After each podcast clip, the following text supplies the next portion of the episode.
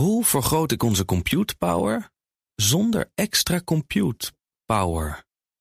Lenklen, Hitachi Virtual Storage Partner. Lenklen, betrokken expertise, gedreven innovaties. Hartelijk welkom bij De Technoloog. 320, hallo Herbert. Hey Ben. Ja. En hallo Kees Verhoeven. Hallo. Wat leuk. Ja. Eh, voor de zoveelste keer. Ja. En met een speciale reden, want je hebt een boek geschreven. En op het moment dat wij dit opnemen, als ik goed ben geïnformeerd, is dat boek nog niet uit. Klopt dat? Nee. nog eh, niet officieel verschenen. nog niet officieel verschenen. Wanneer maar verschijnt het? Bijna. Nou, het, het verschijnt vrijdag de 20ste ve- eh, januari. Dus eh, ja, vrijdag jan- 20 jan- januari is aanstaande vrijdag, denk ik. Ik weet niet wanneer ja, het nee, dus, het is eh, vandaag eh, 17 januari.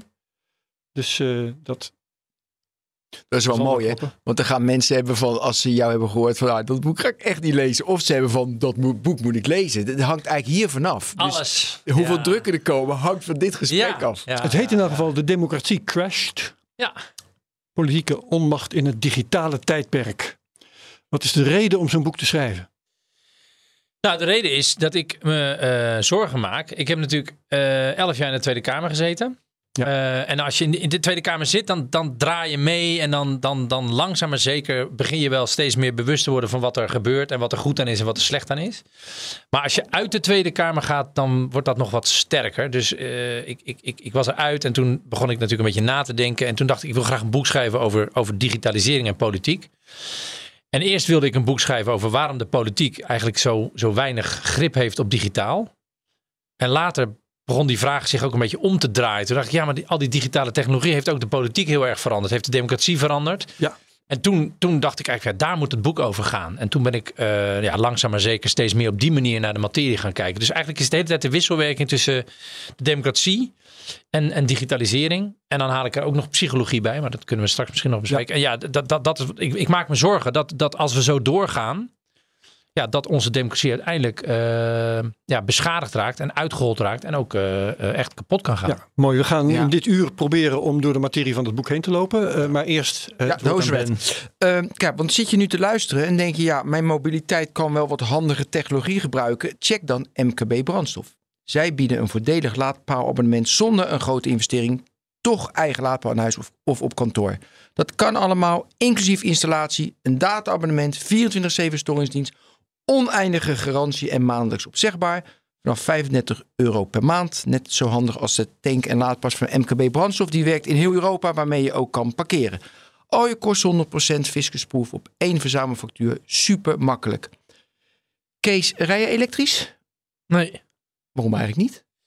Eh, ik heb gewoon een auto gekocht eh, een jaar of drie geleden. En toen heb ik nog niet de overweging gemaakt. Dus ik heb nu gewoon een, eh, ja, een Fossiele auto. Een, Een benzine- fossiele auto? Een benzine fossiele auto, ja. Oh, ja. Ja, en eh, de volgende zal zeker elektrisch zijn. Maar ehm, nu nog niet dus. Ja. Eigenlijk niet, niet, niet eens over nagedacht de afgelopen tijd. Raar. Slecht. Ja. Man, wat ben jij een slecht mens. Ja. Slecht ja, we hebben, wij hebben, het is wel één ding. eh, we, hebben, wij hebben vier kinderen. Dus we zitten met z'n zes in die auto. Dus ik heb toen gezocht naar een auto met drie, eh, drie achter. eh, d- Oh ja. Drie eh, zitten. Drie rijen stoelen. drie rijen, ja. ja, ja. En eh, ik heb helemaal niet goed gekeken of dat. Dat zal er ook absoluut in elektrisch zijn. Maar ja, precies, het Tesla Model. X. Ja. Ja, Kom je binnen. 150.000 euro, maar goed. Nou ja, dit is het tweede. Eh, die, die 150.000 euro had ik niet. Dus na de royalties van mijn boek en na deze uitzending. Dan wel. Ja, dan zal Oké, ik, eh, Ik zie ons binnenkomen in die auto van Kees. Ik heb stoel C1. Waar is die? Waar is dat? Ja, mooi. zou mooi zijn. Hey, maar je begon eh, met ik maak me zorgen. En dan denk ik van ja, dat is altijd een heel mooi verkoopargument. Ja. Want ja, weet je, Ik weet nog die uitspraak van, eh, ik weet niet wie het zei. Oh, ik denk volgens mij Wim Kan. Als je, als je aan eh, minister van der Stoel vraagt hoe laat het is, dan zeg hij dat hij zich, dat hij zich zorgen maakt over de tijd. Ja, nou ja. Eh, het zal vast wel eh, ook andere doelen kunnen dienen om dat te zeggen. Maar bij mij is het wel zo dat ik echt zie dat onze democratie in, in, in een paar decennia tijd echt op een hele andere manier werkt. En ik vind niet ten goede. En ehm, je ziet nu ook een beetje, dit jaar was ook wel een beetje een soort metafoor voor een langere ontwikkeling. Eh 5000 moties zijn er eh, ingediend, dat is een record. Ja. Meer dan ooit burn-outs eh, dit jaar ge- opgetekend. Meer dan ooit bedreigingen van politici, meer dan duizend, een verdubbeling. En je ziet dus gewoon dat er steeds meer ja, een soort extremer gedrag om in en om de politiek begint te komen. En dat Ja. is niet goed voor het nemen van besluiten. En we zitten juist in een tijd dat er ook heel veel lastige vraagstukken op tafel liggen. Iedereen heeft het over crisis, maar het zijn in ieder geval hoofdpijndossiers. Dus we moeten goede besluiten nemen. En, en als, dat, als, het, als die politiek steeds maar extremer wordt, dan lukt dat niet. Ja, en jij legt verband met de digitalisering. En ik denk dat dat voor een deel terecht is. Daar gaan we het ook over hebben. Ik ga uh, wel een klein stukje de zaag in jouw stoelpoten zetten. Aha. Want er is natuurlijk wel meer aan de hand. Hè? Um, je hebt, wat heb je bijvoorbeeld? Je hebt het... Uh, het uh, geïnstitutionaliseerde liegen, uh, dat uh, rondom, even kijken, wat was het ook weer, de kwestie omzicht Ja, aan het ja, licht kwam. zeker, en zeker. dat soort zaken. De overheid die zich gewoon niet aan de eigen wetten houdt, bijvoorbeeld. Um, er zijn niet zo lang geleden partijprogramma's doorgelicht. En dan bleek dat een, niet gering aantal partijen gewoon dingen in zijn programma heeft staan die op gespannen voet staan met de rechtsstaat. Ja, He, daar is, Zeker. er zijn ook publicaties over. Dus schrijf ik Het ook is- iets over. Hè? Ik, eh, niet alleen- hoofdstukken ja. oké, dat is, eh, maar het is niet alleen de digitalisering die daar de schuld van is. Nou, kijk, ik heb daar echt eh, ook lang over nagedacht. Want je moet altijd oppassen dat je eh, niet in een soort tunnelvisie komt van er is één oorzaak voor alle problemen. En dan ga ik daar naartoe schrijven en dan bevestig je je eigen Ja. zorg heel erg. Confirmation bias.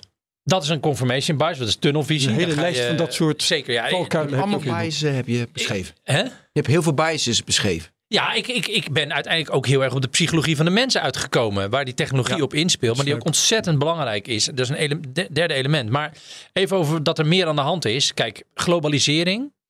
Eh, de steeds complexere wereld. Die geleid heeft tot meer ongelijkheid. eh, onzekerheid, geopolitieke instabiliteit. Mensen gewoon denken, ja, wat gebeurt er? Eh, Rusland staat aan de, aan, de, aan de poorten van Europa te rammelen. Dat leidt natuurlijk tot allerlei onzekerheid. Vervolgens willen mensen oplossingen. En dan is er een complexe politiek die heel langzaam en soms ook inderdaad niet, niet transparant werkt. En dan denken mensen, ik ga op een andere partij stemmen. Dus globalisering, complexiteit, onzekerheid, dat zijn de grote bewegingen. Ja. Maar mijn punt is dat digitalisering in dat, in dat geheel wordt onderschat als belangrijke factor. Dat is mijn punt. Dus iedereen heeft het, als je, als je kijkt naar, naar, naar boeken en essays en artikelen over onze tijd en de politieke onvrede, gaat het allemaal over globalisering en complexiteit, de kloof. Eh, maar het gaat, ik zie dat digitalisering daar ook echt een heel belangrijk eh, onderdeel van is. En daar wil ik meer aandacht voor. Ja, en dat is, eh, dat is zeker het geval. Is want, niet alleen dus. Nee, nee, inderdaad. Ja, ja. Maar eh, ja, noem eens wat. Je, je eh, eh, noemde de, de moties bijvoorbeeld, hè, Ja. die vaak voor de bühne worden. Dat is ook familie van het probleem dat heel veel kamervragen vooral worden gesteld om even een videootje te fabrieken. Hè? Ja, ja zeker. Kijk, ehm, politici, zijn, politici zijn altijd wel geneigd om graag in beeld te zijn. Hè? Dus politici zijn altijd ijdel. Dus een, een professor Dr. Akkermans, typetje van Van en de Bie. Ja. Hè? Van nou, hey, ik word genoemd en eh, Ja. op televisie. Eh, dus, dus Ook als politie ze willen- niet ijdel zijn, dan zijn ze tegenwoordig verplicht om te scoren. Nou ja, wordt dat de- ook de- veel in je boek Politie staan. willen graag in, eh, in beeld zijn, Ja. maar ze worden ook gedwongen door hun partij en door het hele systeem. Het beloningssysteem is erop gericht. Je moet bekend zijn, je moet zichtbaar zijn. Toen ik, toen ik de laatste jaren van mijn eh, Tweede Kamerlidmaatschap wat meer met de inhoud bezig was, vroegen mensen op verjaardagsfeestjes: Goh, Kees, je bent wel minder op tv, hè? goed met je, ja. Weet je? Nou, dat vond ik altijd heel irritant, want ik was juist gewoon best wel die saaie wet aan het lezen in plaats van eh haantje de voorste doen, wat ik in mijn eerste jaren heel erg was. Dus die, die, die, die drang om, om in beeld te zijn te scoren, ja, dat heeft te maken met dat je dan inderdaad denkt: oh, eh, er is een debat, hey, de camera's draait mee. Ik, ik, ik doe even een snedige interruptie, want dan kom ik misschien op Twitter en dan word ik misschien wel uitgezonden op, eh, op journaal of wat dan ook. Dus ja, die scoringsdrang is, is wel belangrijk. En die wordt ingegeven ook door, door het feit dat je direct in beeld kan komen door digitale technologie. Ja. Ja. Heb Ja. jij een... Sorry, ga je Nou ja, die scoringsdrang is natuurlijk super, super irritant. Want als je het weet, weet je, dan denk je van het gaat om de inhoud. Maar ik weet, eh, in de praktijk, dat is ideaal. Is dat niet zo? Nee. Eh, maar ik wil even naar die digitalisering toe. Want die scoringsdrang was er ook in de jaren zeventig. Dat je bij, eh, hoe heet die programma's, bij de VARA had van, nou ja, weet je, dat Ja, je ook op tv media hebben dat gigantisch versterkt. En maar dat komt dus door de so- sociale media, dan is het dat korte scoren. En omdat dat. Nou, ik zeg altijd schaal en snelheid. Dus met, met, met, met sociale media zie je dat de schaal waarop je in je eentje eh, eigenlijk heel snel bepaalde groepen kan bereiken, die is heel anders dan met televisie, waar er altijd nog een, een, een- programmaredactie tussen zat. Of een, of, een, of, een, eh, of een ombudsman die, van een krant die zegt van je, we gaan dit wel of niet doen. Of een redactiestatuut. Of een, hè, en nu kun je gewoon alles zelf erop knallen. En je, als, je, als je dat op een bepaalde manier doet, kun je zelf heel veel en heel snel eh, mensen Ja. achter je aan En vooral ook je eigen achterban tevreden houden. Ja. Ja, maar waarom stel je dan niet als politiek een soort manifest op van... jongens, we gaan er een beetje zorgvuldig mee om. En het is niet alleen maar haantje de voorste. Want we zijn het land aan het besturen. We zijn er voor de inhoud. En eh, nu heb je al vier keer een rare tweet eh, eruit ge- gestuurd. Dat is even de max. Ja. Weet je, dat, je, gewoon afspraken We erover gaan de laatste Nou- tijd stemmen op om smartphones van scholen te weren. Waarom niet gewoon geen smartphones in de Tweede Kamer? Klaar. Nou, in de Tweede Kamer eh, misschien nog wel. Maar ik zeg wel in mijn boek, dat is een van de meest concrete dingen die ik voorstel bij de oplossingen. Geen smartphones tijdens het debat. Nou ja, ja, En dat is, zoiets, eh, ja. daar, daar, daar zal ik, ik bedoel mensen, het is wel typisch. Er is een foto in de Tweede Kamer van de afscheidnemende Kamerleden in 2017. Alle 150 Kamerleden bij elkaar in de plenaire zaal. Er staat één Kamerlid, staat op zijn telefoon te gluren bij het nemen van die foto. Dat is Kamerlid Kees Verhoeven. Dus ik was zelf degene, ik was zelf degene die in Ja, debatten geweldig. Altijd aan het twitteren was, altijd aan het... En ik dacht dat ik dat allemaal wel kon. En waarschijnlijk kan ik dat ook wel. Alleen eh, toch niet zo goed. Want je bent dat multitask, je bent afgeleid. Je zit niet te luisteren naar wat een ander zegt. En ook al is het irritant dat er twintig fracties achter elkaar met hetzelfde punt komen. Je zou eigenlijk naar debatten toe willen dat er gewoon geen afleiding is. Ja. Dus Je ziet ministers het soms doen. Ja, en, en, en, en soms moet je iets opzoeken. Maar je zou, je zou kunnen zeggen, van, nou laat dat dan opzoeken door een medewerker. eh, eh, maar blijf zelf gewoon geconcentreerd in zo'n debat eh, zitten. In plaats van dat je alleen maar bezig bent met die telefoon. Dus dat, dat is een voorbeeld van Ja. hoe je de concentratie... Dus ook wel de, de aandacht ehm, is ook aan het verslappen. Hè? Ik bedoel, eh, de, de, concentratie, de focus op, op een ingewikkeld onderwerp... die is gewoon steeds minder aanwezig. Eh, Ehm, en wa- wat zit daar dan achter? Is dat ook mede die smartphone of zijn er ook andere dingen die Ja, daar nou, Goudvis, aandacht zo lang, krijg je al die clichés natuurlijk. Nou ja, eh, eh, stoorzenders. Dus inderdaad de smartphone die je altijd kan, kan roepen, kan wenken. Eh, dat, dat is absoluut een onderdeel. Maar het feit dat we ook gewoon steeds minder slapen is een groot probleem. Kamerleden moeten altijd tot diep in de nacht blijven. De volgende ochtend moeten ze er weer vroeg zijn. Het is altijd wordt uitgezonden en er is een zwaar akkoord gesloten tot om half zes ochtends. Weet je wel, Dan gaan ze dan pas stoppen. En dan de volgende maar doen ochtend jullie uur- jezelf allemaal Ja, aan? Hè? Als ik zit te kijken, ik zeg ik ook van gast, doe even lekker gewoon. Ja, maar daarom schrijf ik dit boek. Omdat ik vind dat dat moet veranderen. En ik, ik heb Ja, dus Maar dit is, niet, dit is niks nieuws. Hè? Dus ongetwijfeld drie jaar, vier jaar Het is geleden. Als jij erger weer... geworden. Het is erger geworden. Het is erger geworden. Het moet een keer, moeten we proberen dat tijd toch te stoppen en, en te keren. En daarom heb ik dit boek geschreven. Ja.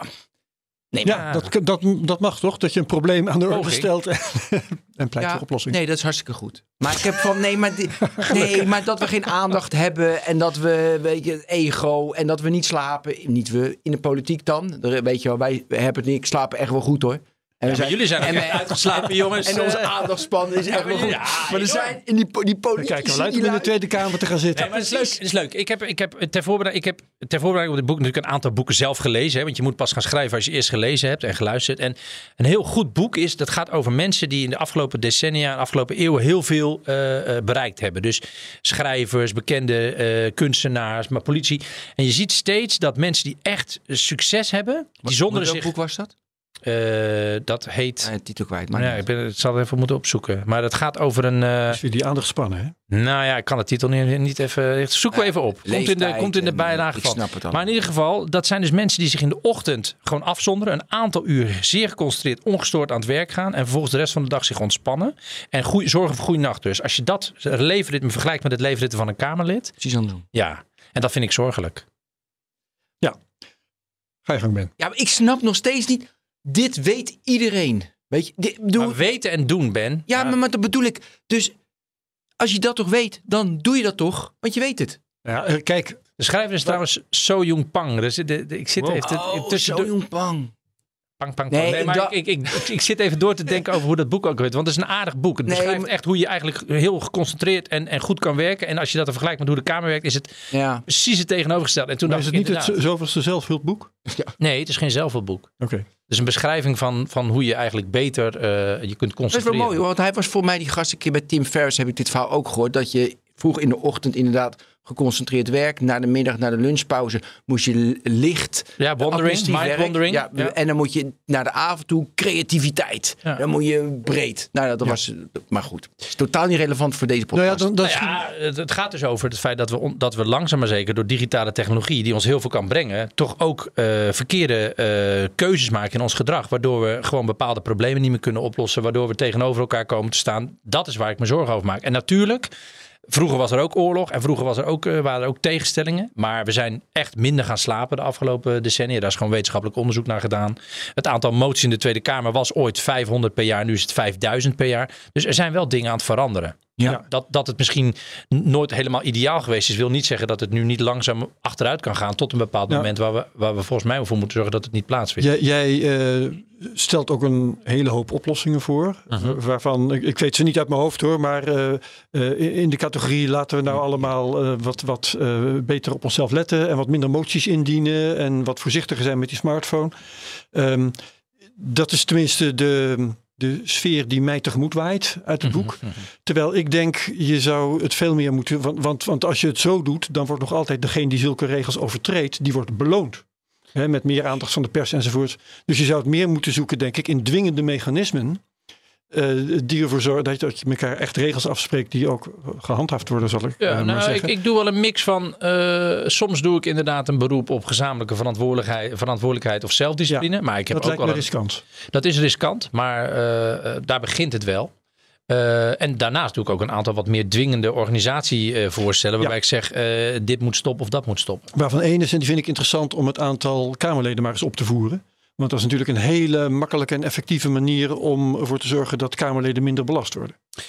Mits je ervoor zorgt dat daarnaast ook een aantal, aantal andere dingen veranderen. Want als je een Kamer hebt waarbij iedereen gericht is op om te scoren. en je doet er 50 Kamerleden bij. dan krijg je gewoon 50 Kamerleden die ook allemaal willen scoren erbij. Dus Ja, Wat, wat ik steeds zeg, ja. ik heb een. ehm, mijn uitgever die zei: ik, ik- het is wel een heel complex eh, eh, eh, boek. En ik zei: hoe bedoel je? Want uiteindelijk heb, heb ik toch ook wel weer opgeschreven op een manier dat het gewoon goed leesbaar is.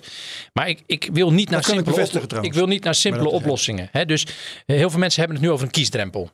Ja, dat is heel actueel. Kiesdrempel, dan is het opgelost. Geen versnippering meer. Kiesdrempel, klaar. Ja, dat is een symptoombestrijding. want de kiesdrempel lost niet op dat er sprake is van polarisatie. Die zorgt dat al die partijen hun eigen achterban gaan bedienen. En daardoor dus al die partijen ontstaan. Als je dan de, de drempel voor partijen verhoogt, heb je nog steeds die polarisatie. Ja. Dus ik, ik wil in mijn boek niet al te veel simpele oplossingen. Zo, uh, hup, een kiesdrempel en dit. Dus meer Kamerleden, ja, dat is nodig. Maar dan moet je ook zorgen dat de Kamer als instituut beter ondersteund wordt. Waardoor Kamerleden echt meer de diepte in kunnen. En dan moet je dus ook zorgen dat de prikkels om alleen maar te scoren niet eh, eh, eh, hetzelfde blijft. Dus je moet ook als partijen, politieke partijen, moet ook gewoon inhoudelijke, saaie, onopvallende, tussen aanhalingstekens, Kamerleden meer gaan waarderen. En niet alleen maar de media-lievelingetjes hoog op de lijst zetten. Dat is bijvoorbeeld iets wat pol- politieke partijen zouden moeten durven. ja, ja, daar ben ik het mee eens. Ja, nee, ik wil eigenlijk, want jij zei net een oplossing. Ik vind wel even aardig van, dat is hoofdstuk 9, dus we gaan even helemaal naar achter. Dan komen we daarna wel weer bij de analyse, maar eerst even oplossingen. Ik ben, de- ik, ben eerst wel eens oplossen. vaker, ik ben wel eens vaker hier geweest en meestal gaan gesprekken zo hier. Ja, Dus maar, dat- dat, ja, dus, maar je, je geeft dan eh, eh, beleidskaders weer. De eerste Ja. is bijvoorbeeld de digitale opbrengsten eerlijk verdelen. Ik vind het wel even lekker concreet als je gewoon, wat bedoel je ermee? Wat Ja. heb je daarin geschreven? Ja. Hoe, wat, wat lossen we dan op? Nou, heeft twee niveaus. Hè. Dus, dus, dus er zijn twee hoofdstukken met oplossingen. Het eerste hoofdstuk gaat heel erg over het verbeteren van de politiek. En het tweede gaat heel erg over het verbeteren van de digitale eh, eh, samenleving. En ook bij de hoofdstukken over digitale samenleving. Daar zijn wij het meest in geïnteresseerd. in. Ja, oké. Dus dan, dan hebben we het wat minder over dat politieke bedrijf. Maar veel meer Ja, over hoe zou, de, hoe zou de wereld eruit moeten zien. De, de, de digitale samenleving waar we nu in leven. En de eerste eh, oplossing die ik dan zeg. Ja. Is van verdeel nou gewoon die opbrengsten van digitalisering eerlijker. Want je hebt natuurlijk gewoon een aantal bedrijven die hebben de technologie, die hebben de algoritmes, die hebben de platforms, die hebben de data. En die pakken alles eigenlijk. Terwijl eh, de wat kleinere bedrijven, maar ook mensen die eigenlijk zich helemaal niet bewust zijn van die datastroom. Ja, die zijn eigenlijk gewoon de handelswaar. Ja. Nou, en daar zou je, daar wordt nu langzamerhand. aan de. DMA, daar Ja, denk je dan aan. Ja, zeker. Maar die gaan toch weer net niet ver genoeg. Want er zijn toch ook weer hele succesvolle lobby's geweest in de Europese Unie. die ervoor gezorgd hebben dat DMA en DSA op onderdelen zijn afgezwakt. Waardoor die technologiebedrijven toch wel weer relatief veel blijven kunnen. Dus ik ben voor een wat ra- radicalere herverdeling van, van, de, van de digitale winsten. En hoe doen we dat dan? Want ik mag even één voorbeeld geven. Ja. Bijvoorbeeld nu Microsoft, wat ze nu met, eh met OpenAI doen. Weet Ja. je, als ik die power van Microsoft de laatste weken volg, denk ik, jongen, Ja, jongen. tuurlijk. Vandaag aankondiging dat ze het in, maar gingen ze het in gebruiken? Nou ja, in, in, in de Office product gaan ze het gebruiken. Het, het, het, nou, het houdt niet op. Dus, Nee, wow. zeker. Die, Dus? die, die, nou, ten eerste eh, Digitax. Gewoon echt. eh, Nederland wacht nu natuurlijk nog heel erg op de Europese Unie. Maar ik zou zeggen, laat ze echt gewoon meer belasting gaan betalen. Ja, Ja, en- maar ze. Dus dan is het, we hadden het net over Microsoft. Dan moet Microsoft in Nederland meer belasting betalen. Is dat het dan? Nou, dat is een van de oplossingen. Ze ik bedoel, al die grote technologiebedrijven Dus dan betalen kijk nu je amper hoeveel- belasting. Veel minder dan ze zouden moeten doen. Nou, dat is natuurlijk het eerste probleem wat je op moet Ja, lossen. maar dat is, nu ga je het zeggen. Want een, nu, ja, ik weet niet precies hoe de hele de governance structure en waar ze allemaal BV'tjes hebben, waar ze naar Luxemburg via Ierland. Oké, Mhm. Ja, maar maar, dan zou het dus zo zijn. Er zijn, ik noem maar wat, eh, 5 miljoen Office 365 eh, abonnees in Nederland. Die betalen allemaal, weet ik wat dat kost, een tientje per maand. Dat is omzet in Nederland gemaakt. Dat belasten we extra. Dat is dan een voorstel. Wat, wat, wat, wat, wat het nu heel helder is, is dat die problemen, laten we zeggen, in, die bedrijven in Europa betalen ze gewoon veel minder belasting dan ze zouden moeten. Dat is gewoon herhaaldelijk aangetoond, bewezen, amper belasting betalen in Europa. Door allerlei constructies en slimmigheden die ze bedacht hebben, daar moet je gewoon een einde aan maken. Dat zou idealiter op Europees niveau. Maar bijvoorbeeld Frankrijk en Oostenrijk hebben gezegd: als Europa niet opschiet, dan gaan wij het doen. Dan gaan we gewoon een eigen digitax hanteren. Dan komen er altijd allemaal mensen gelijk. Ja, maar hoe gaan we dat dan doen? En Ja, dat kan toch niet en zo. Maar dat kun je natuurlijk wel doen. Want het, het feit dat er te weinig belasting betaald wordt, is gewoon een groot probleem. Dat is altijd slecht voor de samenleving, omdat het namelijk de ongelijkheid versterkt. Dus je moet beginnen met het principe dat elk bedrijf wat hier winst maakt, daar gewoon belasting over maakt. En het precieze mechanisme.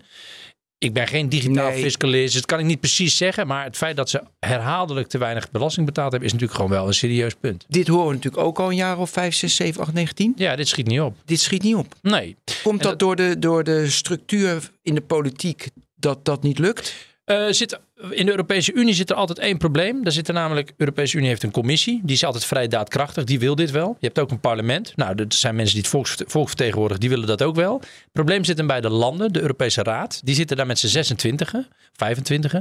En daar zijn een aantal landen. Die heeft gewoon een paar hoofdkantoren van die grote technologiebedrijven in hun achtertuin. Ierland heeft zich bijvoorbeeld best wel lang eh, verzet tegen Ja. een Europese digitax. En Dat speelt een rol. Nou, dus daarom moet je eerst proberen het Europees te doen. Want dan heb je gewoon een, een, het schaalniveau te pakken met die krachtige interne markt die gewoon werkt om het af te dwingen. Dan heb je ook meer kans op, op, eh, op succes.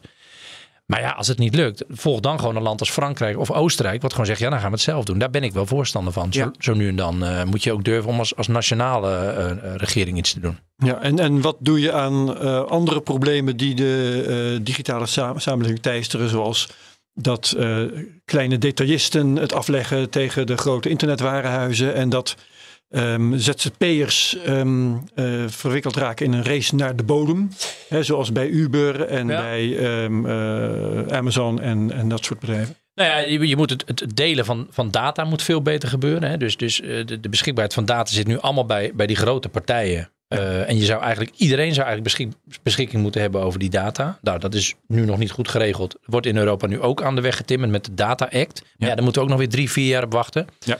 En een heel belangrijk woord, ook al vaak gevallen, misschien ook wel hier in de uitzending, is interoperabiliteit. Ja. Dat betekent dat, dat verschillende systemen met elkaar kunnen communiceren. Waardoor dus consumenten kunnen overstappen van het ene naar het andere systeem. En dan krijg je dus veel meer weer eerlijke marktwerking. In plaats van dat één dominante speler de beste is. En dat iedereen daar dan maar op zit. Zoals bijvoorbeeld met WhatsApp het, gebeur, eh, het geval Ja, is. Facebook. Ja. Dus eh, ook hier geldt, je moet aan een aantal verschillende knoppen draaien om het te verbeteren. Eh, en je moet politici hebben die echt durven opstaan en durven zeggen: dit is een probleem en we gaan hier wat aan doen. Nou, dat begint op het gebied van monopolies en marktmacht. Daar begint dat nu wel te gebeuren. Ja, en eh, een, een eh, probleem daarbij is dan natuurlijk dat de digitale kennis bij politici vaak een tikkeltje tekort schiet. Ja, maar, Ik zie je bedenkelijk kijken. ja, maar dat valt wel mee, hè? dat dat punt, valt wel mee. Nou, ook hier. ehm, ja, er is absoluut een, een eh, eh, verbetering mogelijk op het kennisniveau van, van, van Kamerleden als het gaat om digitaal. Maar we hebben de neiging om te denken dat alle slechte oplossingen of alle passiviteit in de politiek komt door een gebrek aan kennis. En dat is niet zo. Dus en dat is ook een beetje waarom ik dit Mhm. boek heb geschreven. Ik, ik, zat in, ik zat in een eh, onderzoekscommissie van de Tweede Kamer in mijn laatste jaar. Onder leiding van Katelijne Buitenweg. Met, eh, met Chris van Dam en met Jan Middendorp. En gingen Ja. we uitzoeken naar hoe kan de Kamer meer grip krijgen op digitaal. Dat was de vraag. En een van de antwoorden was eh, meer kennis. Maar in mijn boek eh, kom ik tot de conclusie dat ook die bes- besluitvormingscultuur, de manier waarop keuzes en, en, en politieke beslissingen genomen worden, dat dat ook een rol speelt. Dus meer kennis is niet altijd Wat is er dan mis met die besluitvormingscultuur? Nou, hier bijvoorbeeld, dat bijvoorbeeld een land eh, als, als Ierland er dus ook zeg maar een belang bij heeft eh, om, om die techsector die in hun land eh, aanwezig is, om die een beetje te beschermen. Maar bijvoorbeeld ook, ik geef een voorbeeld over een, een, het aanpakken van, van Google en Facebook vanuit, vanuit Nederlandse toezichthouders en de regering. Had ik een initiatiefnota geschreven. En de Kamerleden die hadden echt zoiets van ja, maar dit is zo'n groot probleem. Dat, daar kunnen we maar beter niet aan beginnen. En, en terwijl ik zoiets had van ja, het is een groot probleem. Laten we in ieder geval een paar stappen zetten. En ik kreeg allemaal van die flauwe grapjes. Ja, Verhoeven waarschuwt Zuckerberg nog een keer. Haha, dit gaat je toch nooit lukken. Ja, als je helemaal niks doet, dan weet je zeker dat het je niet gaat lukken. Dus het is ook een beetje wat ik in, in, dat, in dat hoofdstuk daarover noem ik dat kabouterpolitiek. We maken ons soms ook wel heel klein en dan doen we maar niks. Terwijl je ook gewoon kan doen wat wel in je, uh, in je rijkwijde ligt. Dus politici willen ook nog wel eens gewoon denken: dit is een te groot probleem, dan doe ik maar helemaal niks. Ja. Dat heeft niks met kennis te maken. Nee. Dat is meer gewoon dat je denkt van nou, dit lukt toch niet, dus laat ik het maar. Ja. Oké. Okay. Uh, mag ik naar het tweede beleidskader? Want je had eerst ja, dus data delen. nog heel wat af te werken. Ja, dat vind ik wel even lekker. Want met tussendoor dingen uh, onze democratie ja. en autonomie beschermen. Ja. Ja, ja het tweede okay. punt is natuurlijk uh, heel erg duidelijk geworden de afgelopen, nou, de afgelopen decennium met, met China en Rusland, waarvan gewoon steeds duidelijker geworden is de AIVD, hè, de inlichtingendienst, begint vanaf 2007. Beginnen ze elk jaar in hun jaarverslag te zeggen. De dreiging, uh, de digitale spionage en sabotage vanuit landen als China en Rusland. Dat is eigenlijk een van de voornaamste dreigingen waarmee we te maken hebben als land. Nou, 2007 zitten nu 15 jaar later, bijna hè, 16 jaar later alweer. We moeten dus echt iets doen met, met, met het beschermen van onze infrastructuur, onze vitale bedrijven, onze kennis, onze concurrentiepositie. Uh, en dat hebben we te lang te passief gedaan. Getuigen bijvoorbeeld uh, 5G. Het feit dat een Chinees bedrijf hier bijna alles uh, aan kan leggen als het gaat om de zendmasten voor 5G. En daardoor dus gewoon sms'jes van balken en de kon inzien. Ja, niet alleen aanleggen, maar ook um, een plek heeft verworven in, he, als, als voornaamste onderhoudsmonteur. Ja, zeg zeker. Maar. Ja, dus die, die, de, de, we zijn afhankelijk van Chinese monteurs, waren we. Op het moment dat het kapot was. Nou, en die konden natuurlijk overal in. Nou, is dat, is dat bewezen? Niet met de vinger erop van daar, daar en daar en daar is het gebeurd. Maar er zijn natuurlijk uh, allerlei achterdeurtjes geweest de afgelopen tijd. ASML is een aantal keer aangevallen door, door Chinese hackers. En er zijn allerlei pogingen vanuit China om heel veel uh, intellectueel uh, en staats, staatsinformatie binnen te halen. En Rusland tegelijkertijd, die probeert juist heel veel plat te leggen en te ontwrichten. En dat, ja, we noemen het altijd de digitale snelweg, hè, het internet. Ja. Maar het is ook een digitale sluiproute. Dus ja, we moeten dat beter gaan beschermen. Nou, de afgelopen jaren is er dan wel aandacht voor gekomen, maar nog geen geld. Bijvoorbeeld. Maar het is best wel een lastig onderwerp, hè? want de, de anti-globalisering, uh, IMF onlangs bekendgemaakt, is min 7% economische groei. Min 7 jaar uit mijn hoofd. Maar goed, weet je, dus. Leg dat eens uit. Dat nou, dat was zo. Er was, de IMF die kwam met een rapport uit dat wat als we, omdat we nu een beetje anti globaal denken, weet je, omdat dat China kost ons 7% economische groei. Dat, dat, gaat ons 7% kosten. Dus onze hele economie wereldwijd gaat ja, 7% zeker. dalen, omdat we minder uh, nou, met China handelen, minder met Amerika, dat het allemaal eilanden ja. worden. Nou ja, dan is het dat, dat gaat ons geld de kosten. prijs voor uh, meer, uh, hoe heet het ook weer, digitale autonomie. Ja, dus, dus dat, maar dat is natuurlijk wel. Dan krijg je de koopman en de dominee, dan krijg je die. Weet je, dus waar sta je? Ja, nee, maar dat is het leuke van. Dit is een van de meest. Ik bedoel, tuurlijk, je hebt het over uh, je digitale infrastructuur en je, en, je, en je veiligheid. Je hebt het tegelijkertijd over handelsrelaties. Je hebt het over diplomatieke verhoudingen. Je hebt het over inderdaad de, de, de wereld. Als je met elkaar handelt en met elkaar van elkaar afhankelijk bent, heb je ook minder kans op oorlog. Want ja. is, dan heb je een balans. Hè? Dus natuurlijk is het niet goed om allemaal terug te trekken op een eiland en de boel dicht te gooien. Maar als Amerika en China dat heel erg doen. En eigenlijk dominant worden ten koste van Europa. Wat zegt, ja, wij gooien de deuren voor jullie open, maar we kunnen zelf bij jullie niet eens naar binnen dan moet je daar op een gegeven moment over nadenken. En dan, dan, dan zie je dat het terecht kan zijn dat je soms ook wat protectionistischer bent dan we de afgelopen twintig mm. jaar geweest zijn. Ja. Dus het is, een, is wel een dilemma, want ja, Europa is altijd een heel erg open uh, uh, economische uh, machtsblok en handelsblok geweest. Maar we zullen toch wat meer technologie in eigen handen moeten krijgen. Ja, in plaats van die afhankelijkheid. En die, weet je, schrijft dan die, die dus de cruciale infrastructuur versterken. Nou, dat is natuurlijk ook snappen we allemaal ja. hoe het moet. Maar daar hebben we ook allemaal moeite mee. Hè? Met heel veel dingen in die voorstellen, dat, dat doen we, proberen we al heel lang. Maar het komt zo langzaam van de grond. En ik denk even aan Gaia X. Ja, ja, maar dat is het mooie. Door dit boek gaat het dus echt in een stroomversnelling uh, komen. Wat fijn. denk eens, nee, ja. maar nu? Nee, kijk, dat, dat laatste hoofdstuk probeer ik natuurlijk... Ik heb elf jaar in de Kamer druk gemaakt over deze onderwerpen. Dus het laatste hoofdstuk gaat heel erg over die, die, die inhoudelijke aanpak van, van die digitale vraagstukken. Ja, en een aantal van die dingen die, die, die zijn niet nieuw, maar die moeten nog steeds gebeuren. Dus ja. daar, daar leg ik nog wel even een keer de, de vinger op. Uh, omdat ik vind dat we daar, dat we daar als, ja, als, als, als Nederland, als, als kabinet en als, als Tweede Kamer, moeten we daar wel echt uh, besluiten over gaan nemen. Ja. Bijvoorbeeld, de, de Cybersecurity Raad die had gezegd er moet 833 miljoen eh, bij. En dat hadden ze in, eh, in aanloop naar het regeerakkoord hadden ze gezegd. Nou, dat bedrag is bij lange niet vrijgemaakt. Terwijl het echt wel een onderdeel is van de nationale veiligheid. En we tegelijkertijd wel heel veel miljarden in defensie steken. Wat natuurlijk gezien de verandering Amerika die niet meer alles gerechtvaardigd is. Ja. ja. Maar die, die, die digitale kant, ja, die, die mag nog wel wat beter op het netvlies komen. En ook als ze 833 miljoen in zouden stoppen, dan heb je natuurlijk de mensen weer niet die het kunnen nee, invoeren. Dat komt dan ook nog inderdaad. Je moet uitvoeren. Precies. Dat, dat, is dus de mensen die aannemen. Wat is het voornaamste security probleem dat met die 833 miljoen moet worden aangepakt? Poeh.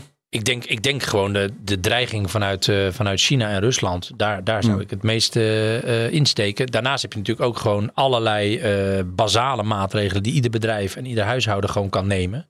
Maar dat kost veel minder geld. Dat is gewoon echt een kwestie van bewustwording. Ja. Ja. En, en vervolgens dat ook echt doen. Want als ik een waarschuwing krijg van je, you have been pwned en je, je, je wachtwoord is ergens gebruikt, dan ook mij kost het dan toch weer twee dagen om het te veranderen. Terwijl je het gelijk zou moeten doen. Hè? Dus Jij zei net heel erg van ja, maar dat weten we toch al lang. Kijk, ja. iets weten en iets doen, daar zit echt een enorme hoeveelheid uh, tijd en, uh, en afstand tussen. Ja. Hey, Ik heb voor heel veel logins en denk ik, ja, die is helemaal niet belangrijk, die login. Dus dan heb ik gewoon één wachtwoord, want het is allemaal van die onzin logins. Ja. Bij sommige sites kan het ook wel, ja, dat... maar bij sommige sites weer niet. Nee, dat snap ik. Oké. En ik heb mensen die het zelfs daarmee oneens zijn. Die zeggen, nee, alle, elke login is even belangrijk. Ja, nee, precies. omdat, je, omdat ze via die login... manager. Ja, ja. ja. Maar dus, soms ook lui kan een stepping stone zijn. Hè? Wat is het volgende beleidskader? Onze recht... woord trouwens, maar dat is... nee, mooi juist, beleidskaders. Drie. Onze rechtsstaat case. dienen we te bewaken. Ja, maar dit is ook het meest ambtelijke hoofdstuk. Daar, ja, zeker. Het, het, hoofdstuk daarvoor is eigenlijk veel meer... Dat gaat veel meer over hoe kunnen we beter politiek krijgen. Dit gaat over, echt over die, die digitale inhoud. Ja. ja, en die laatste is wel... Die vind ik eigenlijk... Ja, dat had ik misschien als laatste moeten opschrijven. Maar die is op dit moment super actueel. Ja. Ehm, want dat gaat over onze rechtsstaat en dat gaat dus over onze eigen overheid. Hè? Dus even de analyse maken. De eerste gaat heel erg over de grote Amerikaanse en Chinese techbedrijven die een verdienmodel hebben bedacht en daardoor burgers en bedrijven uh, klein maken. En daar moeten we wat tegen doen. Dus externe bedrijven, gevaar. Tweede is grote, stoute, slechte dictator, cyberscherken die ons, die ons aanvallen, ja. ook beschermen. We hebben twee externe grote factoren gehad. Maar de, de derde komt van binnenuit. Dat is razend interessant, vind ik. Want daar ben ik zelf langzaam achter gekomen. De afgelopen jaar begon met de hekwet en de sleepwet. En vervolgens kwam die wet gegevensverwerking samenwerksverband. En nu ligt er een witwaswet waarbij het kabinet elke uh, transactie boven de 100 euro wil gaan uh, monitoren. Kortom, we hebben een overheid die bedoelt het goed. Die wil echt zorgen dat burgers geen ellende meemaken, geen fraude, geen, geen terroristische aanslagen, geen kindermisbruik, geen criminaliteit. Dus wat gaan ze doen? Burgers controleren. Hoe doen ze dat? Data, data, data, data, data. Dus die overheid die wil die burger helpen en die gaat data verzamelen. En wat gebeurt er? Fouten maken, verkeerde conclusies trekken, uh, verkeerde datasets, verkeerde algoritmes en de rechtsstaat schenden. En dat is de derde. Leidskader. Ja. En daar dan wat aan doen. Ja, dat is heel interessant. Um, want dat is een, misschien een zijpad dat, dat we nu kunnen nemen. Je zegt verkeerde conclusies trekken. Uh, je hebt echt een, een, soort rode draad door je hele boek heen is um, drogredenen, uh, verkeerde conclusies, uh, smoesjes, dingen die niet kloppen, logica. Ja, nou, er zit. Leg uit, waarom, waarom is dat belangrijk? Ja, ja, Dankjewel voor deze vraag, uh, Herbert. Dat is echt heel fijn dat je dit even... Nee, dat is heel serieus. ook fijn. Alle luisteraars, dit vinden we echt zo blij zijn we nu. nee, maar ik, ik, ik, ik, ik ben uh, in 2017 op Kahneman gestuurd. En ik had natuurlijk wel eens van Kahneman gehoord, maar ik dacht ik ga Kahneman ook eens lezen. En die heeft dus een boek geschreven. Ja, fantastisch. Ik heb volgens mij heeft het wel eens vaker een uitzending ja, System 1 en System 2. Maar denken, System 1 System 2. Er zit een wereld van, zit een wereld van 50 jaar wetenschappelijk onderzoek onder. In ieder geval, ons brein heeft, heeft, heeft eigenlijk twee, uh, twee, twee, twee kapiteins. De eerste kapitein is het, de kapitein die eigenlijk op de oppervlakkige informatie afgaat. Dus je ziet iets, bam, je trekt een conclusie. je hebt gelijk een oordeel. je maakt eigenlijk een soort shortcuts, een soort, soort vuistregels. En die kloppen in 90, 95% van de gevallen kloppen die gewoon. En daar handelen we gewoon elke dag handelen we daarop. Gaat prima. Maar de wereld is zo complex geworden dat er ook ingewikkelde vraagstukken zijn. En die vragen net even wat meer tijd. Wat bewustwording, wat, wat, wat, wat meer analyse. Feitenkennis. Feitenkennis, uh, nuance. En dat is systeem 2. En dat moet soms ook even ingezet worden. En wat, waar het misgaat is als we onderwerpen voor systeem 2 door systeem 1 laten afhandelen. Dat gebeurt heel veel. En bijvoorbeeld, eh, dan krijg je dus denkfouten. En denkfouten wil bijvoorbeeld zeggen dat je het gevoel hebt, eh, er is iets gebeurd. Daar, hey, daar is Ben de schuld van. Dat heeft Ben gedaan. Ligt natuurlijk veel complexer, maar het is fijn. Ben heeft het gedaan. Of ik zie iets niet, dus is het er niet. Dat is heel erg bij het internet zo. Algoritmes, data, eh, zeekabels. Je ziet het allemaal niet. Dus denken de meeste mensen. Het is er niet. Ja. Maar het is er wel en het heeft invloed op ons. Dus ik ben op een gegeven moment in die psychologische aspecten gedoken. En ik kwam er eigenlijk achter dat technologie heel vaak inspeelt op onze, op onze psychologie. Nou, en dat is natuurlijk belangrijk, want ja, psychologie betekent gewoon wat vind je van iets en wat doe je vervolgens ermee en wat is, wordt vervolgens je besluit. En omdat technologie onder de motorkap zit in veel gevallen, ehm, is het ook vaak eh, systeem 2. Ja. Hè? Eh, eh, maar omdat het in ons dagelijks leven allerlei dingen doet, ehm, laten we systeem 1 erop los. Dat is ongeveer wat er gebeurt. Nou ja, precies. En ik, ik schets dus eigenlijk dat die Tweede Kamer, die, die, wordt, die wordt steeds, de, de druk erop wordt groter. Eh, dus dan krijg je de, de, de drang om snel met een oplossing te komen. De drang om snel te reageren. De drang om snel als minister te zeggen: we hebben het probleem onder controle. We gaan het aanpakken. En door die snelheid zet je eigenlijk gelijk systeem 1 aan. Dus het systeem van de snelle onderbuikoplossingen. eh, het systeem van de snelle bevrediging. Terwijl je soms moet zeggen: we nemen even de tijd. Het is complex. We gaan niet gelijk reageren. We, trekken niet gelijk een oordeel. We gaan niet gelijk zeggen dat is de schuld. Bulgaren fraude. Hè? Hup, de Bulgaren hebben het gedaan. Die Ja, gaan we ja, keihard aanpakken. En vervolgens tuig- straffen. tuig je wetgeving op die heel veel onschuldige mensen heeft getroffen. Dus mijn punt is een beetje dat we op moeten passen dat we in dat digitale tijdperk zoveel snelheid en, en zoveel druk en zoveel haast maken. Dat we fouten gaan maken in de besluiten die we nemen. En een van de dingen waarbij dat gebeurd is, in mijn eh, eh, ervaring ook als Tweede Kamerlid, is bij alles wat met veiligheid te maken heeft. Want veiligheid, dat zit volledig in onze onderbuik. Veiligheid, we willen veilig zijn. Maslow. Hup, Belangrijk. Weet je wel, eh, dus al, er zijn altijd weer politici, er zijn altijd weer Kamerleden die zeggen: we moeten, we moeten nog meer doen om de veiligheid te gaan leren. En dat gaat tegenwoordig altijd met die, met die data. Ja, en dan op een gegeven moment gaat die veiligheid eh, alleen maar eh, het enige eh, worden wat je belangrijk vindt. En heb je eigenlijk geen oog meer voor, voor andere aspecten, de zoals de rechtsstaat. naar de Ja. rechtsmodellen. Ja. Ja, dat, dat is de, de derde, het is Ja. een van de derde punten, derde verbeter, nee, hoe noem ik het? Beleidskader. Beleidskader, ja, je hebt het goede woord. Dat ik, dat ik aanvoer, dat ik zeg, we moeten, we moeten weer terug naar die rechtsstaat.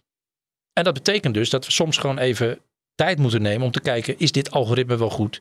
Kunnen we deze dataset wel gebruiken? Eh, mogen we deze camerabeelden wel hergebruiken?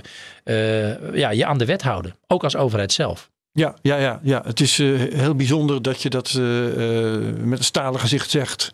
Alsof het normaal is dat je daarvoor moet plei- pleiten. Ja, maar dat is- de overheid Dat is, wat ik wel gezien, dat is wat ik gezien heb. Ja. Er zijn te veel wetten gekomen die niet eh, eh, binnen internationale verdragen passen, die niet binnen andere wetten passen, zoals de AVG. Maar er zijn ook allerlei overheidsinstanties. En allemaal met goede intenties. Hè. Ik zeg het er altijd even Ja? bij. Want Daar wou ik het even zie- over hebben. Ik zie niet de overheid als iets slechts. Ik zie de overheid als iets goed. Ze bedoelen het goed. Maar ja, de Belastingdienst, de politie, Defensie. eh, allerlei grote overheids... De NCTV, de, de AIVD. Ze hebben allemaal de wet overtreden in de uitvoering en de naleving van de wet. Ja, dat, is, dat heet het legaliteitsbeginsel. Het principe dat de overheid zich aan de wet moet. Dat wordt eigenlijk voortdurend geschonden door onze overheid. Ja, Ja. dat vind ik, ja, dat vind ik echt zorgelijk. Maar ik, ja, ik, ik, ik verbaas me wel. Nee, nee ik, ik, ik snap dat jij eh, al dit soort zaken toeschrijft aan mensen die het allemaal eh, eigenlijk wel goed bedoelen. Maar ik denk daar zelf iets anders over. Oké. Ehm, ik eh, las laatst nog een heel betoog over het zoeken van geitenpaadjes in de stikstofproblematiek. Ja. En daarin werd eh, vrij eh, nauwkeurig uitgelegd dat het toch een strategie is van de regering om dit soort geitenpaadjes te vinden en om daar eh, uitstel uit te halen.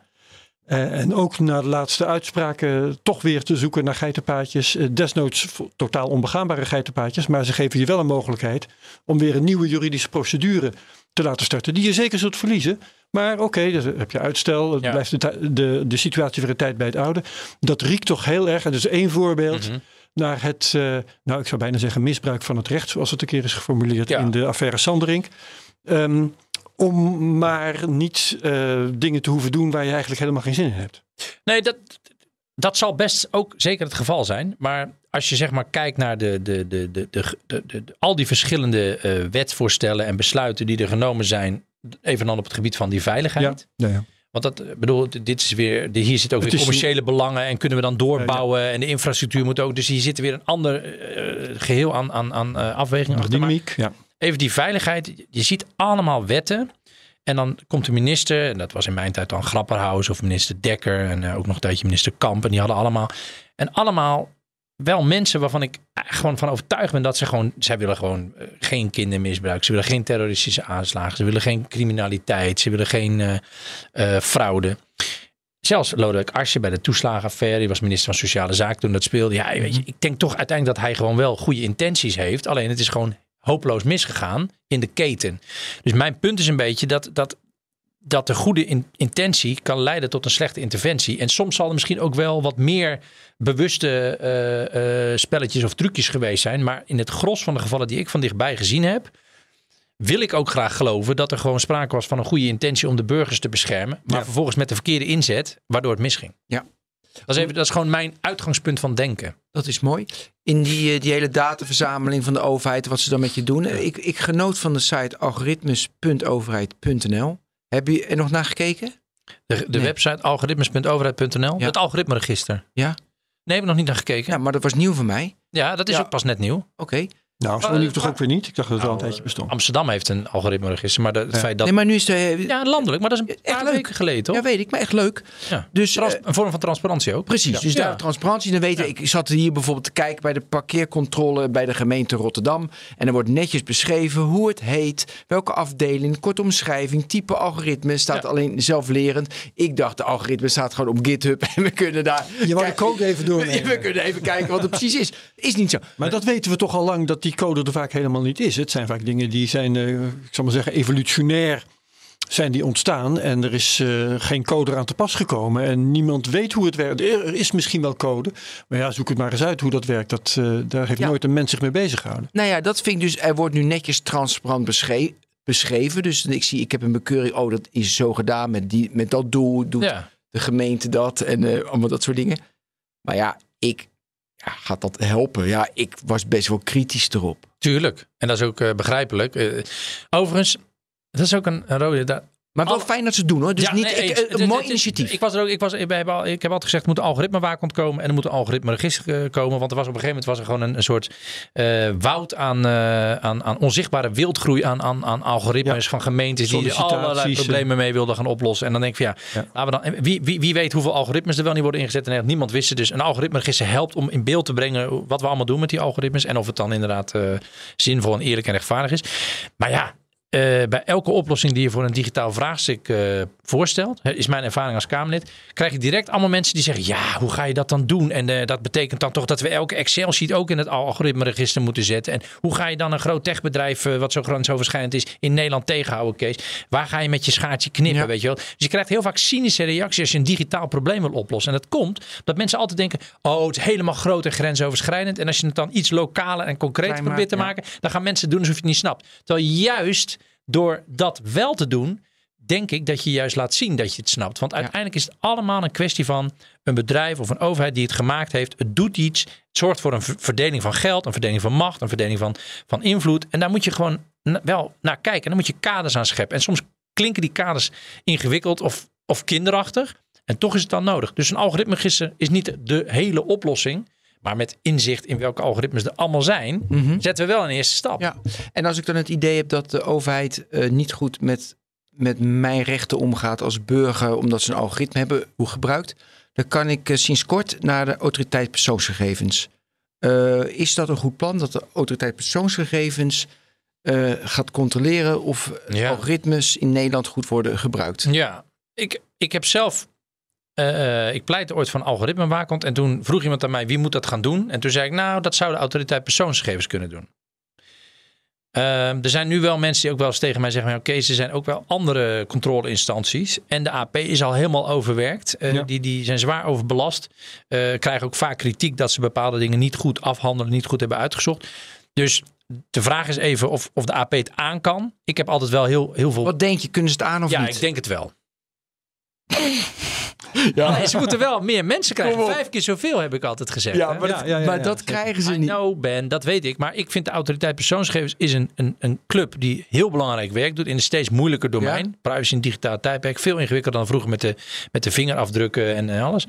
Dus het is... Dus als ze niet moeten vijf gewoon- keer zoveel mensen aan kunnen nemen, dan gaan ze het niet redden. Om Nou, ze hebben nu een enorme, ze hebben een enorme achterstand op, eh, op het aantal Ja, eh, datalekken die ze moeten afhandelen. Eh, ze moeten ook vergunningen verlenen. Hè. Dat doen ze ook nog. Hebben ze ook een achterstand. Dus ja, jaar in jaar uit bleek dat ze gewoon te weinig mensen hebben. Als ze deze taak er ook nog bij krijgen. Plus de AVG natuurlijk. Hè, de Ja, hele, ja, natuurlijk. ja, dat is mega veel. Maar ja, ik denk wel dat de, de autoriteit persoonsgegevens in beginsel de juiste plek is om het te doen. Wel een beetje een politiek antwoord. Ik dacht, we gaan nieuws maken. Kees Verhoeven zegt, de, AP kan het niet aan. Ja, oh nee, nee, nee. Ik, ik denk dat de AP gewoon versterkt moet worden. eh, en dat ze het dan aan kunnen. En ze worden gewoon, ja, dat, zie, dat zie je bij een aantal toezichthouders. Ze worden toch een beetje te klein gehouden. Ja. Ik vind die tegenspraak juist super belangrijk. En de autoriteit persoonsgegevens, maar ook de Raad van State hebben heel vaak bij wetten gezegd: niet doen, niet verstandig, gewoon toch doen. Dus geef, die, geef die toezichthouders meer eh, positie, denk ik dan. Eh, ja, maar ge- ja, geef ze meer positie. Ehm, de Raad van State heeft een hele duidelijke positie. Ja. En heeft allerlei adviezen ehm, eh, gegeven. Nou, ik, ik moet zelf bijvoorbeeld denken op het gebied van crypto, hè, de, de anti-witwaswet. Ja. Hele duidelijke adviezen gegeven. De regering heeft gewoon niet geluisterd. Nee, dat, dat constateer ik ook. Ja. Dat, dat, er, dat er te vaak Dus niet geluisterd wordt. hoezo naar, naar positie? Moet gewoon, je moet gewoon luisteren. Ja, maar dat, dat precies. Ja. Maar dat moet je afdwingen door zo'n club eigenlijk eh, minder passeerbaar te laten worden. Dus moet je de positie versterken. Ja, en daarmee, eh, om, om, dat, om dat concreet te maken, eh, zo'n advies moet bindend zijn. Bijvoorbeeld. Ja. Ehm, ik vind dat, dat, ja, ik vind dat, dat, dat toezichthouders en, en adviesorganen zoals de Rekenkamer en de, de, de Ombudsman en de Raad van State, dat, dat zijn organisaties die nou juist die langzamere besluitvorming mogelijk maken. Die, die dus belangrijk is, want langzame besluitvorming Ja. is betere besluitvorming over het algemeen. En door kritiek of tegenspraak, of, of lees het nog eens een keer of heroverweeg dit nog eens een keer, kom je tot betere besluitvorming. Maar wat je zie je, het kabinet denkt, "Ah, we moeten door, voor de verkiezingen moet die wet al worden aangenomen, dus eh, we gaan dat advies even naast ons neerleggen. Ja. Dat is niet verstandig. Ja, maar ehm, als je daar dan naartoe wil, hè, je wil eh, stel dat je eh, adviezen van de of, ja, oordelen van de Raad van State bindend wilt maken, dan zal er eh, waarschijnlijk toch een wet moeten komen die de Tweede Kamer even moet goedkeuren of zo. Dat is dan toch de vorm die het moet hebben. Denk ik wel, en ja. idem dito bij de autoriteit persoonsgegevens of noem maar Ja, een andere ja. instantie eh, op. Ja, En dan moet de Tweede Kamer dus zichzelf. eigen macht uit handen geven. Ja. Ehm, nou, niet macht, maar dan moet je dus zorgen dat je je eigen besluitvorming verbetert. Door meer mensen mee te laten denken die buiten het vuur staan. Dat is, dat is denk ik belangrijk. De, je noemt er meer, hè, de Wetenschappelijke Raad voor het Regeringsbeleid. Ja, er zijn Nog ook een paar. allerlei eh, wetenschappelijke organisaties. Ratenau Instituut, de WRR, Ja, ja. Wetenschappelijke Raad voor het Regeringsbeleid. eh, de Raad voor het Openbaar Bestuur. zijn allemaal super. Daar zitten allemaal, allemaal hoogleraren en, en, en echt professors. Ervaringen. Kijk graag naar. Wat ze? Ik vind Ratenau Ja, zeker. Die schrijven hartstikke goede dingen. Ja. Kamerleden lezen dat helemaal niet. Dat is heel raar. Eh, Dat is echt zonde. Dat zijn briljante eh, eh, analyses. Vaak een hele voorzichtige bewoordingen. Wijzen ze dan op een probleem. En dan gaan we tien jaar later terugbladeren. En dan denken we, hé, hey, het is al lang gezegd. de WRR heeft het tien jaar geleden al gezegd. Ratenau zei het toen ook al. Was wel grappig. Ik las een WRR-rapport over manier van datagebruik door de overheid. Dat was ergens uit 2014. Beschreven ze al precies hoe de Belastingdienst, eh, de inlichtingendiensten, allemaal datamethodes toepassing. Daar spraken we in die tijd nog niet over. Ik was het boek aan het schrijven. Toen dacht jeetje, dat hebben ze gewoon vijf, zes, zeven jaar geleden al voor Ja. gewaarschuwd. Maar wel op een manier dat het dus weer niet doordringt. Omdat iedereen dan denkt, oh, dat rapport lees ik later nog. Ja, Dus dik. die moeten ook wat meer.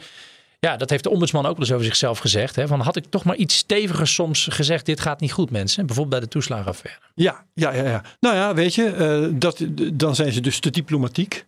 Ja, En dat is een beetje wat jij net zelf ook doet. Door te zeggen, "Ja, ik ga er wel vanuit dat ze allemaal bij de overheid eigenlijk het goede willen. Misschien moet je wat feller uit de hoek komen, Kees. Ja, en, en ook met de AP was het ook zo. Zegt hij ook van als Oh, ze ja. die mensen krijgen. Weet je, dat is gewoon. ja. Ja. dat is gewoon een aard Ja, van dat is aard, hè? Ja. Hey, hebben wij, ik wil heel graag nog even, want je hebt ook vijf randvoorwaarden. Kom ik weer met mijn lijstjes. Ik Ja. hou normaal Ja, niet nee, dat van lijstjes, maar soms is het wel even Ja, lekker. Voor gezonde democratie en Ja. hoe de digitalisering daarbij kan helpen. Dus Ja. we gaan van achter gaan we naar voren Ja, in het boek. ja, ja. Maar de eerste zeven hoofdstukken slaan we gewoon over. Maar doe maar nu wel. De, nee, maar dat weten we allemaal wel. Nee, maar die eerste Maar die zeven hoofdstukken, dat die kun je prima overslaan. Het eerste hoofdstuk is gewoon analyse. En de volgende, de volgende zes. De volgende zes. Dit is niet wel een goede tekst. Ja. voor De journalisten. volgende ja. zes zijn gewoon case, cases. Hè? Dus dan laat ik gewoon zien, zo ging het in de Tweede Kamer. Cases, ja. Bewijs ik een beetje dat mijn theorie er is. Maar het gaat natuurlijk uiteindelijk om de oplossingen. Ja, ik wil ja. graag met mijn boek, en in hoofdstuk 8 begin ik ook even met een herhaling van de diagnose. Ik wil met mijn boek gewoon een oplossing proberen te bieden. Ja. Het is geen super eh, s- snelle, hapklare brokkenoplossing, maar gewoon een, een pakket aan, aan mogelijkheden om, om iets van verbetering eh, door te voeren in de politiek. Dan kom ik Hier met ra- ze. Ja. randvoorwaarde 1. Ja. Gecontroleerd vertrouwen. Ja. Nou, we zien allemaal dat het. Die glimlach van Ben ook, hè? Ah, we komen nu wel eh, lekker Ja. op stoom. wil Geen- het eh, precies. de- de- de- eh, iedereen Mensen die de video bekijken, het zijn er honderd. De glimlach van Ben, jongens. Op, eh, even kijken. Ja, nou, De echt mijn best om 49 niet te lachen, maar goed. Oké, oké, oké. Het vertrouwen Ja. is echt het grote probleem van nu, toch? Ik bedoel, Tuurlijk. de overheid vertrouwt de burger niet meer, de burger vertrouwt de overheid niet meer. Wat weten we? Wat is de belangrijkste grondstof voor elk land? Waar, waar zijn de mensen het gelukkigst? In landen waar vertrouwen leidend is in beleid. Nou, Mm. kortom, dat was Nederland ook. En het gaat slechter met het vertrouwen. Dus moet je zorgen dat de overheid in ieder geval de burger weer gaat vertrouwen. Nou, dan zou- dus je zou kunnen zeggen meer vertrouwen. Dus dat vond ik te veel een open deur. En dat de overheid zich zelf betrouwbaar gedraagt. Ja, precies, precies. Ja. En daardoor de burger weer de overheid gaat vertrouwen. Het, Dus toen ja. dacht ik van ja, we willen natuurlijk ook heel erg die controle. Hè? Want die overheid wil zorgen dat, dat de burger zich eh, goed gedraagt. En ze willen wel inzicht in die, in die fraude eh, bij bepaalde toeslagen en bij bijstand. En ze willen zorgen dat er geen aanslagen zijn. Dus de overheid heeft een ongelooflijke drang tot controle. En is daardoor zeg maar de burger gaan wantrouwen. Dus ik vind dat je de burger meer moet vertrouwen. Maar je mag wel steeksproefgewijs of op basis van bepaalde duidelijke concrete aanwijzingen mag Ja. je natuurlijk wel controle op de burger uitvoeren. Dus daarom zeg ik gecontroleerd vertrouwen. Ja, en leg de relatie even met digitalisering. Nou, dat zijn dus die. Dus die zeg maar transparante algoritme. Dat is bijvoorbeeld... ja, dat, is, dat past heel goed bij die, Ja, bij ja, die data, erbij. die datagedreven controledrift. Dat je met data alles naar je hand wil zetten als overheid. En daar moeten we, daar moeten we een klein beetje terug naar een gezonde balans. En dat noem ik gecontroleerd vertrouwen. Ja, ik- ik zal je nog eentje noemen. Dat was toevallig gisteren in het nieuws. Eh, scholieren die gebruik maken van ChatGPT. Ja. Hè, het is eh, heel interessant. Eh, je kunt wel zeggen, ze, eh, ach, dat doen, we gaan ze vertrouwen. Dat doen ze vast niet. Maar ze doen het natuurlijk wel. En eh, dan is Kees een methode van we gaan dat steeksproefsgewijs controleren. Stel dat dat op een gegeven moment kan hè, met, met middelen dat je kunt. Of je gaat op een andere manier de lessen inrichten zodanig dat ze toch Ja. zullen moeten bewijzen dat ze zich werkelijk in iets hebben verdiept. Hè, door vragen te, door discussies op touw te zetten. Ja. Nou, steeksproef, kijk, ook een, een, ja, dat is een liefdevol. Ik heb twee, twee onderwerpen waar ik onwijs veel eh, interesse altijd heb. Eén is tijd en het andere is toeval. Nou, toeval is gewoon een ongelooflijk belangrijke factor. Maar je, als je gewoon steeksproefgewijs doet, dat is zonder aanzien des persoons. Ja. Dus toevallig ben jij een keer aan de beurt om gecontroleerd te worden. En dan gaan we kijken of Ja. jij het op orde hebt. En als Niet je dat omdat je bruin bent of omdat Precies, je... dus dat is Ja. een prachtige manier. Dus steeksproefgewijs controleren doet de Belastingdienst ook als het goed is bij, bij allerlei bedrijven. Nou, we hebben die 20.000 pakken we dit jaar en de andere gaan we gewoon ervan uit dat ze het netjes indienen. Dat is veel beter dan dat, dat, dat, dat je op basis van een soort vooringenomenheid, dan komt die onderbuik weer, dan komt die, die psychologie weer van oh het zal wel zo zitten. Weet je, snelle, verklaringen en dat. Dat is veel beter. Dus ik vind dat we naar, daarom noem ik het gecontroleerd vertrouwen. Dus je moet vertrouwen hebben, maar je mag het wel controleren, maar dan wel op een eerlijke manier. Mooi. De, de inhoud centraal. Ja, die spreekt natuurlijk Maar re- relateer me even met digitaal. Nou, de inhoud centraal. Ehm, je ziet dus dat het scoren en die buitenkant en die beeldvorming, die social media, dat kijk mij eens, dat, dat, dat de, die motie die eigenlijk helemaal niks toevoegt, maar dan wel hem op Twitter zetten of dat leuke debatfilmpje, hey, ik was weer lekker in vorm vandaag. Dat is ten koste van de inhoud. Dus ik wil eigenlijk dat de beeldvorming eh, minder belangrijk wordt en de inhoud weer belangrijker wordt. Dus je moet zorgen dat, dat media kunnen daaraan bijdragen. Want journalisten hebben natuurlijk ook te maken met kliks en kijkcijfers. Die nodigen weer iemand uit in de studio. Dan krijg je bijvoorbeeld in de, in de televisiestudio... komt er een, een, een, een professor, gaat dan praten met een aantal burgers over een onderwerp. En die professor heeft er dan echt 10 jaar, 20 jaar over gestudeerd. Ja. En die burgers mogen dan hun Die mening komen geven. ja. En dan doen we alsof het een gelijkwaardige discussie is. Ja, dan is het voor de kijker misschien interessant om te zien. Maar het slaat nergens op. Nou, daar zou media dus ook een rol in kunnen spelen. Politici, politieke partijen die zeggen... hé, hey, dat saaie Kamerlid wat de afgelopen jaar alleen maar die wet heeft zitten doen... en die eigenlijk nooit op tv was... die zetten we nou eens een keer hoog op de lijst. Want die Ja. is wetgeving aan het controleren. Ja, maar dat soort dingen. Ja, dat soort dingen. En dat is, dat is een loffelijk streven. En dat, dat zei ik net eigenlijk ook al. Ja. Eh, dan vraag je van, eh, van eh, partijen die een normaal gesproken vrijheid hebben, hè, van Ja. journalisten en van politici, en Ja. dan vraag je in feite om te handelen tegen hun eigen belang. Ehm, ehm, en wat er gaat Nou ja, gebeuren, tegen dat is hun een eigen korte termijn belang. Ja, Er bij, zeker. Herbert. Want zeker. op lange termijn is het echt van belang dat de inhoud. En uiteindelijk mensen met een inhoudelijk goed verhaal, waar ze gewoon goed over nagedacht hebben, wat uit hun hart komt, maar wat ook uit hun hoofd komt, Mhm. dat is altijd sterker dan een, een woordvoeringslijntje of een snel trucje. Inhoud, echte inhoud wint altijd. Ik zeg ook altijd tegen mensen, dan, eh, ik heb dan een- nu een eh, eigen adviesbedrijf en soms moet ik ook eens meedenken over een beetje besluiten van een bedrijf van gaan we dit wel of niet doen. Als je ergens een eerlijk verhaal bij hebt, moet je eigenlijk gewoon toch de keuze maken. En dan krijg je misschien eerst de beeldvorming. Ja, dat doen ze daarom. Het zit zo, zus en zus. Als je dan echt het eerlijke verhaal vertelt, inhoudelijk, dan win je het uiteindelijk. En Ja, maar- daar moeten we naartoe. Eh, ik, ik ben, dat ben ik met je eens. Maar ik ben het niet helemaal met je eens dat het alleen maar een verhouding is tussen korte termijn en lange termijn. Het heeft namelijk iets van de tragedy of the commons. Hè, want Ja. als, eh, als jij ehm, eh, met een inhoudelijk sterk verhaal komt. en er komt eh, iemand anders die op zich eh, eenzelfde soort positie heeft als jij. en die komt met een, een veel pakkender verhaal. eh, dat alleen maar geschikt is voor so- social media. en dat oppervlakkig is en noem ze maar op. dan gaat die uiteindelijk met, met de hoofdprijs aan de haal. In termen van aandacht Mhm, en, mhm. en wat niet allemaal. Misschien levert het hem wel een extra kamerzetel op. En de schade is voor de gemeenschap. Kijk eens naar Gert-Jan Segers. Ja, Die heeft een een paar dagen geleden heeft hij gezegd, ik stop. Als Kamerlid. Ja. Gert-Jan Segers was, was een Kamerlid. Ik, ik ben een beetje, ik ken hem Ja, jullie, wel- jullie Ja, rijden samen naar Den Haag. Inderdaad. terug. Eh, Eerlijk, de- de- Ja, maar maar goed, hij was een Kamerlid wat best wel volgens die eh, inhoudelijke manier van werken. Krijgt veel waardering over het werk wat hij gedaan heeft. Iedereen zegt, "Pff, nou, dat soort mensen moeten toch echt wel eh, proberen te behouden voor Den Haag. Wat ik bedoel te zeggen is dat het dus ook mogelijk is om die waardering te krijgen als je wel langs die inhoud werkt. En zo zijn er meer voorbeelden van, van inhoudelijk gedreven mensen die gewoon, eh, eh, wa- waardoor toch, waarvan toch gezien, Wouter Koolmees uit mijn eigen partij, Ja. toch mensen die echt volgens de inhoud werken. Dus je kunt ook heus daarmee die prikkel van die waardering wel krijgen. Alleen je moet het wel durven en je moet het ook wat langer doen. Want die tragedy of the commons, hè, de tragiek van de meent, het feit dat, dat eigenlijk hè, dat alle eh, vissers de zee leeg eh, eh, vissen om snel die boot vol te hebben en zoveel mogelijk te verkopen. of in elk geval die ene visser die in zijn eentje de zee leeg vist. Ja, maar op een gegeven moment is wel de zee leeg. Snap je? Ja. En als de zee leeg is, heeft niemand meer wat. Dus uiteindelijk keert de wal het schip. En ik zeg eigenlijk van je moet dat voor zijn door bijvoorbeeld over die moties. Dat doe ik ook een voorstel in dat Ja. hoofdstuk volgens mij. Van maak nou, je kunt niet zeggen je mag maar eh, als Kamerfractie mag je maar 100 moties per jaar indienen. Dat is niet eerlijk voor de oppositie, want dat is altijd voor. Maar je zou wel als alle partijen samen de afspraak kunnen maken. En als dan één partij is die toch zegt, nou daar hou ik me lekker niet aan. Die gaat dan toch uiteindelijk niet, niet winnen. Want uiteindelijk gaan media dan toch denken... ja, dit is weer de zoveelste motie van weer die partij... die zich als enige wel tijd met die... Dus dan werkt het uiteindelijk toch. Dus als de, als, als de meerderheid van partijen samen hier een afspraak over maakt... dan kunnen we echt minder moties, minder moties van wantrouwen... minder lange debatten. Dat, dat kan wel. Ja, maar dan moet het inderdaad moeten er eh, Samen. afspraken. Ja, ten gezamenlijk de verantwoordelijkheid nemen. dat is Ja, natuurlijk een rode ja, draad in mijn boek. Nou, Oké. de, die, nu heb je gelijk ook de derde, de, de aandacht. Ja. ehm, Hmm. Die hebben gelijk eigenlijk behandeld al. Ja. De aandacht beschermen. Dus die hebben we gehad. Want ja, we zitten ook met de tijd. En we Ja. hebben er nog twee te gaan. En Ja. we zitten nu bij eh, denkfouten in. Nee, de functioneel, functioneel vertragen. Dat vond ik wel een hele Ja. mooie. Ja, nou dat, dat we het net al even over. Kijk, dat, dat gaat over die, die, die psychologie en die twee, die twee kapiteins in ons hoofd. En dat gaat over het feit dat alles maar via die snelle beslissingen gaan. En dan komen die, Ja. dan komen die cognitieve fouten. Hè? En een van de dingen bijvoorbeeld is dat... Lange mensen verdienen meer dan, dan kleine mensen. En knappe mensen wordt altijd van gedacht dat ze ook heel succesvol in allerlei zijn. We hebben dus allerlei oordeelsvormingen. Complottheorie is ook Ja. een, voorde- eh, een voorbeeld. Eh, tunnelvisie, hè, dat alles aan één ding ligt, terwijl er veel meer meespeelt. Dus we, we zijn voortdurend die, die wereld, die complexe wereld aan het reduceren tot iets wat lekker voelt. Zo zit het.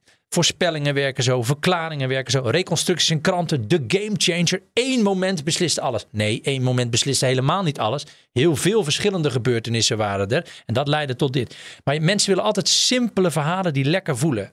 Ja, dat is allemaal systeem 1. En die maken dat we keuzes maken en beslissingen nemen die gewoon niet goed zijn. En daar moeten we dus ja, Ja. moeten we meer tijd nemen. Maar dan moeten we eerst beseffen dat ons hoofd zo werkt. Dus daarmee heb ik die psychologie ook geprobeerd in dat boek te zetten. Want anders ga ik voorbij aan iets wat, waarvan ik in ieder geval denk dat het een grote rol speelt. Nou, dan komen we vanzelf bij ruimte voor twijfel. Ja. Dan heb je het niet duidelijk helder voor je gemaakt. En die zal alleen maar twijfelen. Ja, ik weet het ook niet precies. Het zijn heel veel aspecten.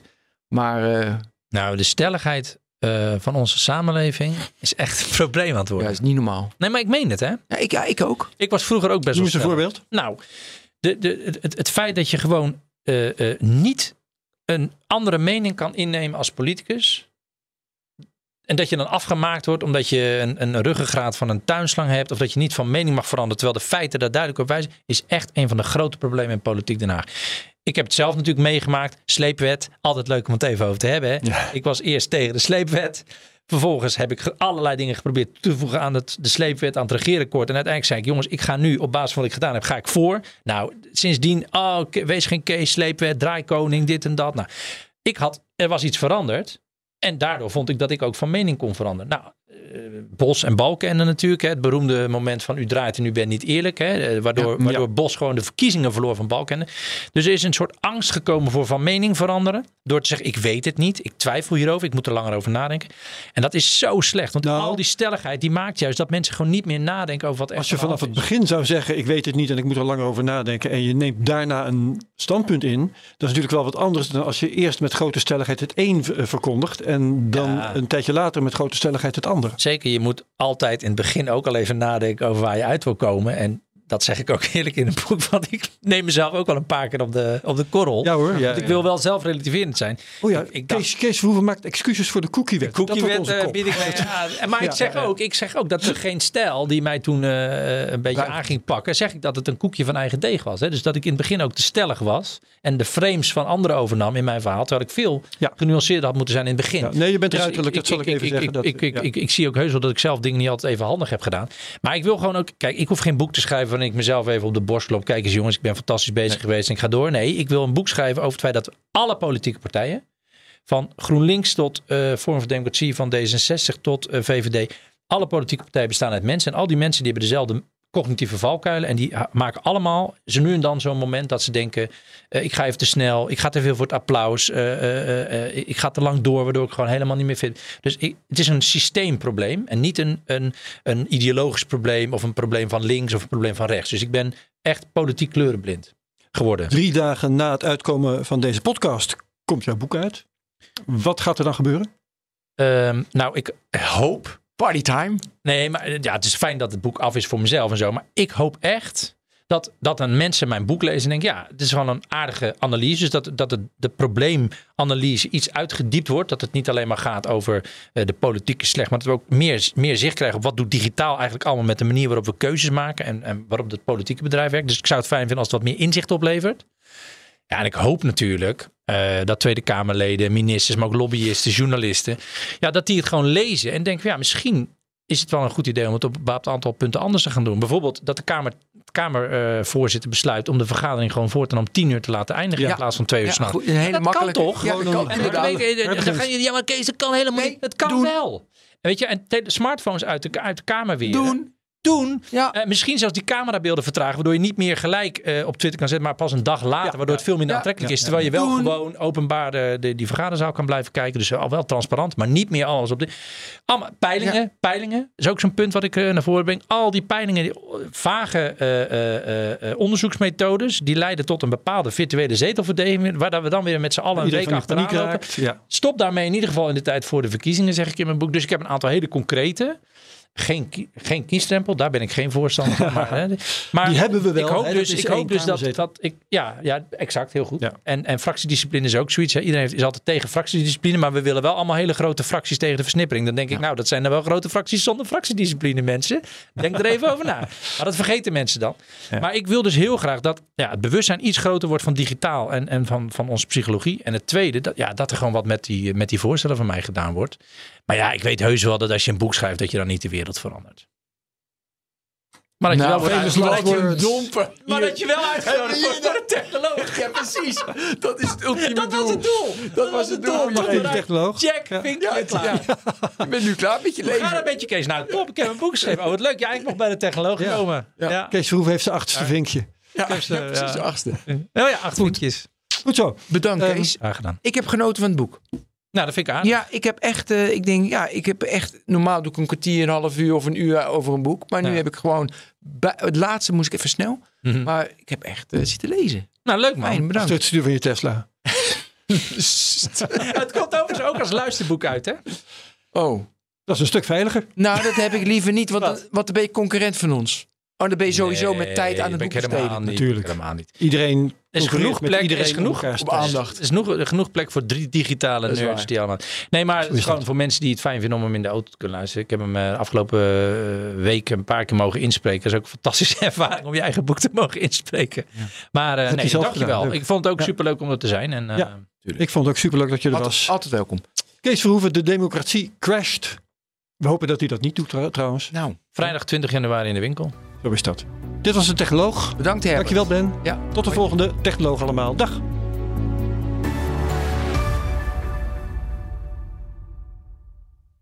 Hoe maak ik van ons VMware-platform een on-prem AI-platform? Lenklen, NVIDIA AI Enterprise Partner. Lenklen, betrokken expertise, gedreven innovaties.